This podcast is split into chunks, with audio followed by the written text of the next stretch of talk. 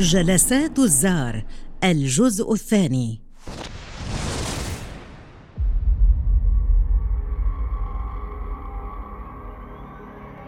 خرجت سيدة من دورة المياه وكانت ترتدي عباءه غريبة الشكل عليها تمائم ورموز غريبة. وعلى ما يبدو أن تلك السيدة كانت من الطبقة المتوسطة وليست من الفقراء أو الأغنياء.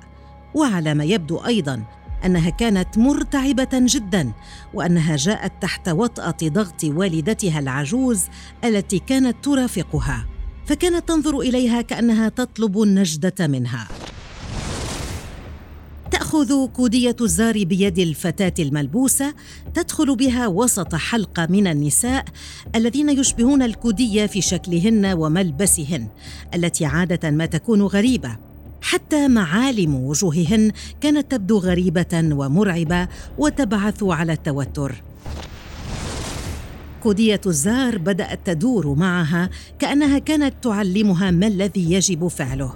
وكانت هذه الدورات تشبه ما يقام بالحضرات من دوران مع تمايل لليسار واليمين. وكانت تقول دستور يا أسيادي السماح والعفو والرضا. وهذا كله وسط النسوة الغريبات الشكل. يرتفع في هذه الجلسات صوت الغناء بشكل تدريجي ويسرع اللحن مرة ويبطأ مرة ثم يبدأ الجميع بالتمايل كأنهم في حالة طربية كبيرة مع ترديد الكثير من التمتمات الغير مفهومة وهذا على نغم الطبول والدفوف.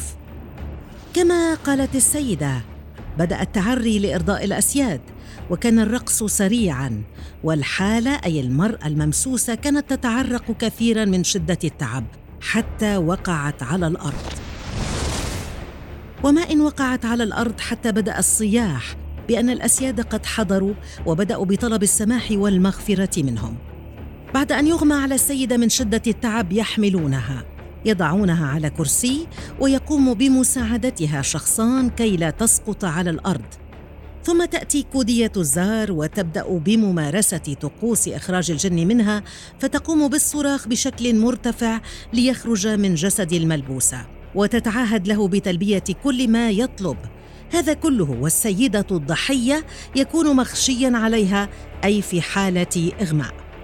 في هذه المرحلة تزعم الكودية أنها تتكلم مع الجن وتطلب منه أن يأمرها وفيما يبدو أنها تنفذ طلباته تحضر ديكا أسود ودجاجتين رجل إحداهما مكسورة ثم تذبح هذا الديك على رأس المريضة.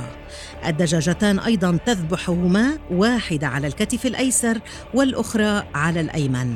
عادة ما يصبح من الصعب التعرف على ملامح المريضة لكثرة الدماء التي تقوم كودية الزار برشه على ملابسها. بعد هذا تحاول الكودية إفاقة المريضة أو الحالة التي ما إن ترى الدم حتى تصرخ وتدخل في غيبوبة. ثم يحضرون الماء المنقوع الذي لا نعرف ما هو حتى اللحظة ويرشونه عليها حتى تستفيق. تستيقظ المريضة من غيبوبتها ويبدو أن الأمر انتهى هنا وأن كودية الزار تريد المال لقاء أتعابها.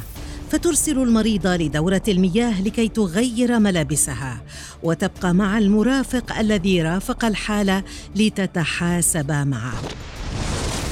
بعد أن تعود الفتاة من دورة المياه تخرج هذه الكودية من ملابسها شيئا يبدو عليه أنه حجاب ما أو كتابة ما وتبدأ بإرشاد الفتاة التي شفيت على كيفية استخدامه. مع الأسف هذه الجلسات لم تزل منتشرة حتى يومنا هذا في الكثير من المناطق التي يتمكن منها الجهل والفقر. ومع هذا للدين رأي معروف جدا في هذا النوع من الجلسات وهو التحريم الشرعي والقطعي وهذا التحريم في كافة الأديان السماوية. علم النفس يقول إنه لا وجود للعفاريت التي تسبب الأمراض النفسية أو الحالات التي تذهب إلى تلك الجلسات.